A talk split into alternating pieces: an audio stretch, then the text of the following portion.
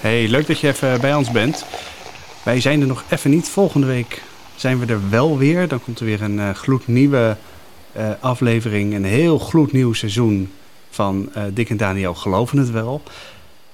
waar je weer alles hoort over wat er gebeurt hè, rond, rond kerk en christelijk geloven. Iedere week weer een nieuwe aflevering. We hebben koffie erbij. We hebben koffie erbij, altijd. En wat hebben we volgende week? Wat gaan we volgende week doen? Volgende week komt onze eigen Kokkie Drost, onze columnist, langs.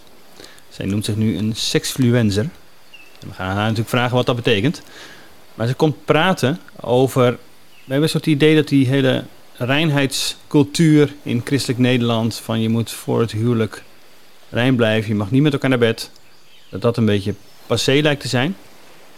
Ja, ja, um, ja. En hoe gaat dat verder?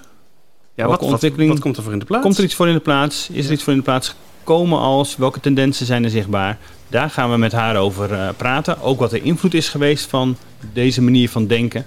En hoe dat nog doorwerkt, waar dat nog meer te vinden is. Echt uh, superleuk man, ik heb er nu al uh, zin in. Ja, nog even niet. Volgende week vrijdag, dan zijn we er weer. Dick en Daniel geloven het wel. maar nu even nog vakantie. Tot volgende week.